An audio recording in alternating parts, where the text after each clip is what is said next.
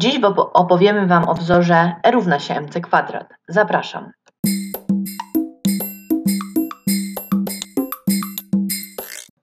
Wzór E równa się mc kwadrat jest częścią szczególnej teorii względności, która powstała w 1905 roku. Wymyślił ją Einstein. Opracował również ogólną teorię względności, która powstała 10 lat później, czyli w 1915 roku.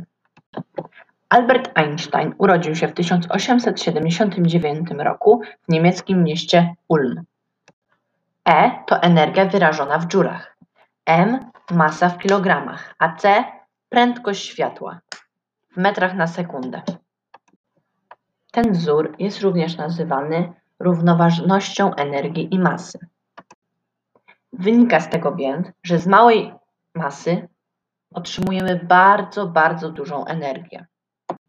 To byłoby już na tyle w tym odcinku. Jeżeli nie słyszeliście poprzednich, to gorąco zachęcam do wysłuchania. Do usłyszenia.